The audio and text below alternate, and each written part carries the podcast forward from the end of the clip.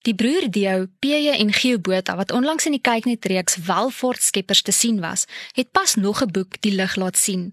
Met Wordryk blyryk hoe om welvaart te skep en bestuur, wil hulle gewone Suid-Afrikaners help om geld in 'n uitdagende omgewing te maak en dit effektief te bestuur. PJ en Geo baie welkom vandag hier by Marula se ateljee. Baie dankie Christa, is lekker om te wees. Baie dankie.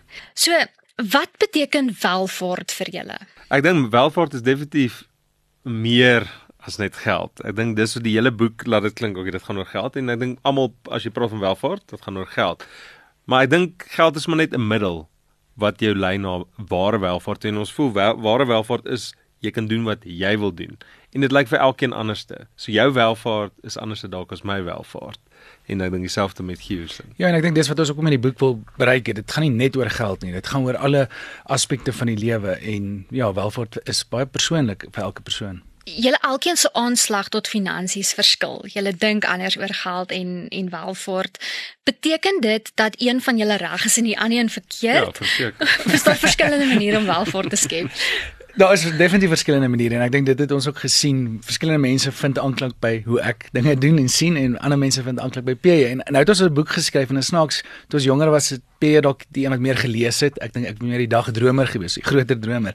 En nou het ons hierdie boek saam ge En dit werk eintlik lekker. Ons kyk na dinge verskillend en in die praktyk en in ons werkplek werk dit goed. Werk ons goed saam. Ja, en ek dink vir al die boekse formaat, die een deel was van welvaart bou wat ehm um, en dit was dadelik ja, Gieu gaan meer oor dit skryf en die welvaart bestuur was dit meer okay, P gaan meer oor dit skryf. Dis outomaties die een kyk meer na die ander een die een droom, die ander een is meer okay, hoe gaan ons risiko's bestuur? So dit is 'n kombinasie van dit, maar ek dink die beste is om 'n kombinasie van dit te hê, maar jy is definitief meer na een kant as aan die ander kant toe. Is, is dit in binne enige een se vermoë om ehm um, welvaart te skep? Wat het 'n mens nodig? Moet jy uit die staanspoor uit baie geld hê of hoe hoe werk daai? Ons het dit vroeër genoem as die welvaartskeppers die reeks gehad en daar het ons suksesvolle persone ehm um, onderhoude mee gevoer en uitgevind hoe hulle sukses bereik ehm um, en finansiëel en net oor die lewe. En daar kan jy sien elkeen van daai persone is so verskillend en die manier hoe hulle geld gemaak het is so verskillend dat daar definitief nie net een resep is om te volg hoe om welvaart te skep nie. In die boek het ons sekere aspekte en gewoontes aangespreek oor hoe om welvaart te skep, maar elke persoon is uniek en jy moet daai vind wat vir jou werk en is definitief nie net een pad nie. Welvaartskepping is natuurlik die belangrikste want jy kan nie eers welvaart bestuur as jy nie welvaart geskep het nie. So ongelukkig is daar iets wat jy moet doen en dis nie noodwendig jy moet jou eie besigheid begin nie. Ek dink sodra ons daaraan dink jy moet 'n entrepreneur wees, maar daar's definitief kundigheid wat jy kan opbou en wat jy geld kan maak, maar, maar daar moet eers welvaart wees voor jy dit kan bestuur en ek dink dis hoekom ons die eerste deel van die boek fokus op jy moet eers geld maak en dan as jy geld het, wat dan? Jy sê nogal 'n belangrike ding wat my belangstelling geprikkel het in die boek en dit gaan oor kids rykdom. Mense wil vinnig geld maak. Kan jy dalk daarop uitbrei? Ja, dit is definitief iets wat ons elke dag sien en ek dink PJ het dit nou net genoem. Jy moet eers in jou veld van kundigheid geld maak. Dan kan jy dit bestuur en meer maak. En ek dink baie mense wil ryk word deur die tweede deel. Hulle wil hê uh, iets soos kriptogeld eenheid of iets moet vir hulle rykdom skep. Nie waar hulle kundigheid is nie. So hulle wil hê die geldbestuur deel is waar hulle eintlik vinnig wil ryk word. En dit werk nie so nie. Dis baie eenheid 1000 mense wat dalk gelukkig is om presies die regte tyd 'n aandeel te koop en vinnig ryk te word daardeur. Maar nee, jy moet geld maak in jou veld van kundigheid en dit is vat lank tyd. Ons het gesien meeste mense wat suksesvol dit is lankdurig en ehm um, jy moet geduldig kan wees. Daar's dalk mense wat vinnig kids rykdom kry, maar dit is moeilik die mense wat daai goed verkoop aan mense om vinnig kids rykdom te kry. So wat gewoonlik dit doen, maar dit is die enigste manier of om te erf. Verder is daar nie baie maklike maniere nie. Maar as jy dit geerf het, moet jy steeds leer om dit reg te bestuur, reg? Definitief. Ek dink dis die en dis wat ons ons praat van die twee dele hoofsaaklik, maar ons het ook 'n derde deel in die boek van oordrag van welvaart. En ek dink dis belangrik dis juist vir daai vererwing as iemand geld ontvang hoe bestuur jy dit en ek het ook twee kinders en ek dink baie daaraan hoe leer jy vir jou kinders van welvaart en hoe om dit te bestuur want dis definitief nie iets waaroor mense baie dink want alles mos die tweede derde generasie dan sou welvaart weg. So ja, dit is 'n belangrike ding wat, om te leer vir ander mense. Ja, en ek dink daar's al studies gedoen van mense wat kids rykdom bekom of jy nou die lotto wen of erfgeld wen of sportpersone of sportpersone wat dit baie vinnig weer verloor want hulle het nie daai gewoontes in plek gesit om lankdurig die welvaart te, te skep nie. So kom ons gesels vinnig oor die boek spesifiek wat jy geskryf het. Wel dit is julle julle tweede boek. Die eerste een is Welvaart Skeppers en dan het hy Daarna ja. was dan die die televisiereeks en nou. So my pa was die so ons pa was die hoofskrywer daarso by Welvaartskeppers. Ons het bydraes gelewer, maar hy was die hoofskrywer gewees.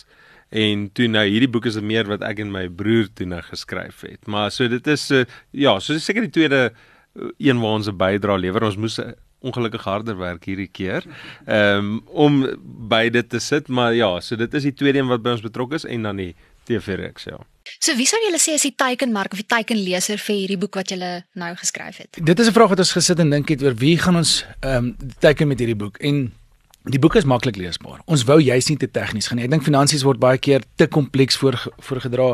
Mense verstaan dit nie en dan wil hulle eerder net nie daaraan raak nie. So hulle so hierdie boek wou ons werklik baie eenvoudig. Ons raak sekere beginsels aan, maar dis ook 'n lekker boek wat verskillende ouderdomme kan lees. Ons raak aan die hele welvaartsiklus, soos jy genoem het van geld maak tot geld bestuur tot die oordrag van welvaart en waar jy jouself bevind op hierdie welvaartsiklus, dit daar gaan jy meer aanklank vind. So is eintlik 'n lekker boek vir 'n pa en seun of 'n ma en dogter of kollegas om saam te lees want jy gaan jouself vind op verskillende plekke op hierdie reis. Ja, nee, ek sal saamstem met dit. So definitief iemand wat begin want ons groot ding hoekom ons begin het met hierdie en ons het ook 'n pot gooi en dit is want mense leer nie van finansies in skool nie. Dit is definitief iets wat jy leer nie. So hierdie is ook om daai mense te leer om daai fondasie te skep.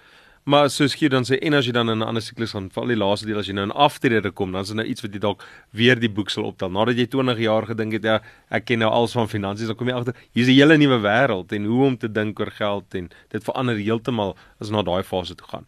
So ek dink as jy 'n nuwe fase betree, is dit dalk 'n goeie ding om net weer op te tel en te kyk. Maar dink jy ook dit sal sinvol wees vir jonger mense om juis nou al te lees en en te bewus te wees van wat om te verwag in die aftredingsfase. Is daar bepaalde voorbereidings wat 'n mens eintlik moet tref om uiteindelik daar uit te kom? Ja, ons sien ongelukkig die jonger kliënte baie van hulle ouers het ongelukkig nie voorbereiding gemaak vir vir aftrede nie. Hulle het nie genoeg geld nie. So die jong persoon het baie meer bewus.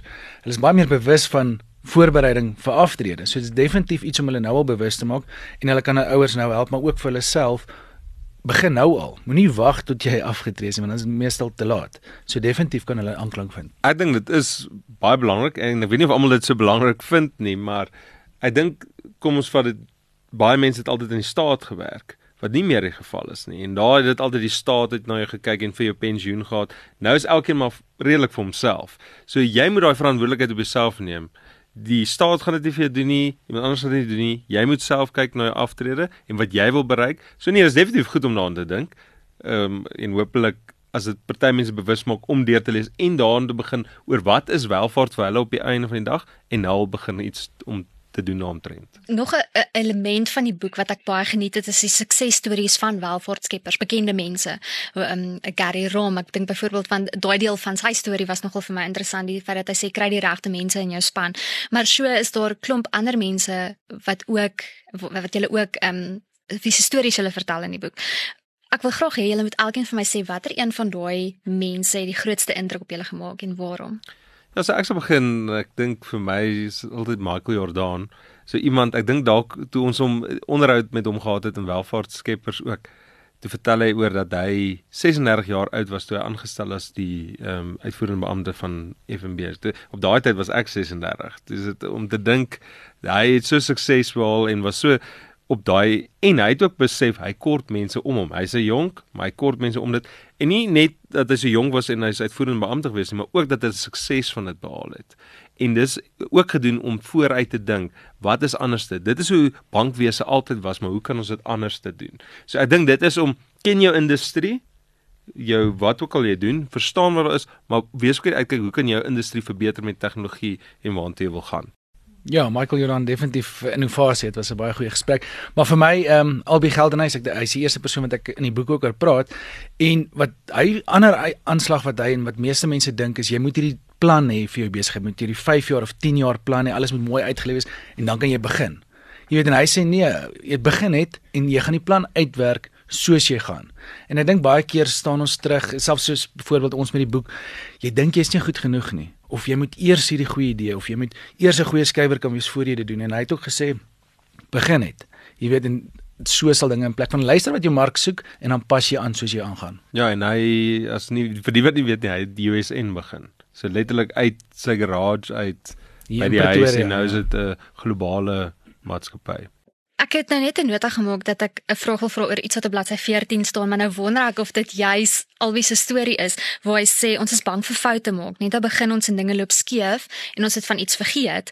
Ehm um, maar my vraag daarop is, is daar iets soos veilige foute? Hoe bepaal jy die risiko? Ja, definitief. Ek dink mense gaan jy gaan jy's menslik, jy gaan foute maak. So ek dink ehm um, as jy jy moet luister. Ek dink jy moet baie mooi luister wat die mark soek. Ons in ons bedryf moet jy baie mooi luister wat die kliënt vir jou sê want elkeen is 'n persoon persoonlikheid en sy storie is anderste. En so in besigheid moet jy ook luister wat die mark soek. Jy dink dalk die mark soek X, maar eintlik soek die mark iets heeltemal anders. So ek dink om te luister kan jy baie foute vermy, maar ook as jy die fout gemaak het, kan jy dit vinnig omdraai. Dit is beter om vinniger foute te maak terwyl dit nog klein is, terwyl dit nog aanpassings is wat jy kan maak. Ek dink hoe groter is jy sê vir iemand wat nou dalk afgetree is en om dan sy pensioen te vat en sy eie besigheid te begin, is 'n baie ander storie as iemand wat van jongs af begin en werk aan skaaf van goed en probeer iets nuuts. In deel 1 hoofstuk 12 daar rondom bladsy um, Ons is 'n 67. toets hierdie. Ja, dis boekie so goed. Wel, ja. maar um, in daai spesifieke deel van die hoofstuk fokus jy op die benadering om iets af te handel en nie uit te stel nie. Hoe belangrik is dit om 'n realistiese verwagting vir jouself en vir um vir jouself te stel en nie aanhoudend te wil werk en seker te maak dat hierdie 'n sukses is nie. Ja, ek, wat ek definitief op dit en by baie suksesvolle mense sien is ek dink veral by afhandels, hulle doen goed. Verstaan baie mense sal uitstel en wag vir daai iets moet perfek wees. Die mense wat suksesvol is is, is hulle doen iets voordat hulle nog doen. Dis wat ons ook bedoel met daai begin net iets en nie net te wag dat dit perfek is voor jy dit uitvoer nie. Ja, ek dink PSN is suksesvolle mense doen. Ek dink almal dis maklik om te praat. So as jy 'n Kritiseer nog 'n- makliker. 'n raad sal sit of in 'n vergadering is daar baie idees wat vloei en jy sal sê kom ons doen dit, kom ons doen dit, maar die suksesvolle mense het eintlik klaar 'n deel van dit gedoen. Hulle sal vir jou sê ek het dit gedoen, jy weet kom ons verander dit so. So definitief om te doen en nie wag tot dit perfek is nie en dan dit deur te volg is, is belangrik. En waarna ek in hierdie ehm um, konteks ook dink is dat of waar ek wonder is, is dit belangrik ook om balans te handhaaf. Ek weet jy werk hard in 'n nuwe besigheid of om geld te maak, maar 'n mens is is is daar iets te sê oor om 'n balans te handhaaf en jouself ook toe te laat om net te rus en net asem te skep. Ek dink dis weer eens hoekom dit belangrik is om te besef wat's welvaart vir jou. En as jy weet weer eens kidsrykdom dan voel jy jy moet jouself uitbrand om dit nou te doen, maar as jy weet ek wil 'n gebalanseerde lewe hê, ek wil 'n gesin hê, ek wil dit doen, dan is jy bereid om seker goed nou uit te stel dat jy daai balans het. En dit gaan nie altyd oor vroeg aftree of dit nie, want jy weet wat is vir jou belangrik en om daar uit te kom. En dan weet jy, dis alraai as ek dit nie nou kry of oor volgende jaar of dalk oor 10 jaar. Balans is vir my belangriker. Familie is vir my belangriker, dit is belangriker. En as jy weet wat vir jou belangrik is, dan jaag jy nie goed wat soos 'n nuwe kar wat nie vir my baie belangrik is nie. Jaag en nou moet jy goed doen en nou moet jy harder werk om 'n nuwe kar te hê wat niemand eers gaan sien jy ry nie. Ja, Ja. balans is ook relatief vir elke persoon beteken dit iets heeltemal anderste. En ek dink dit is belangrik om jouself te ken, weet wat vir jou belangrik is en ja, dit toe te pas en nie na ander mense te kyk en dink dis my ideaal van sukses nie. Jy weet, so ken jouself baie goed. So PJ en Geo, ons het nou vandag selfs oor julle nuwe boek Word ryk, bly ryk wat pas verskyn het. Kom ons sluit net af. Waar kan mense julle op sosiale media volg en waar kan hulle die boek in die hande kry? Ja, ek is meer op Instagram Gio Botha en ons het ook 'n Facebook bladsy Gio en PJ Botha en ook op LinkedIn Gio en PJ Botha. Ja, nou ek het op LinkedIn my eie en ek's 'n bietjie op Twitter, maar ja, so P Botha. En die boek in boekwinkels. Ja, boek aanlyn beskikbaar in meeste uh, al die boekwinkels sal dit ook hê. Nou ja, toe. Baie dankie julle. Dankie, baie dankie vir tyd.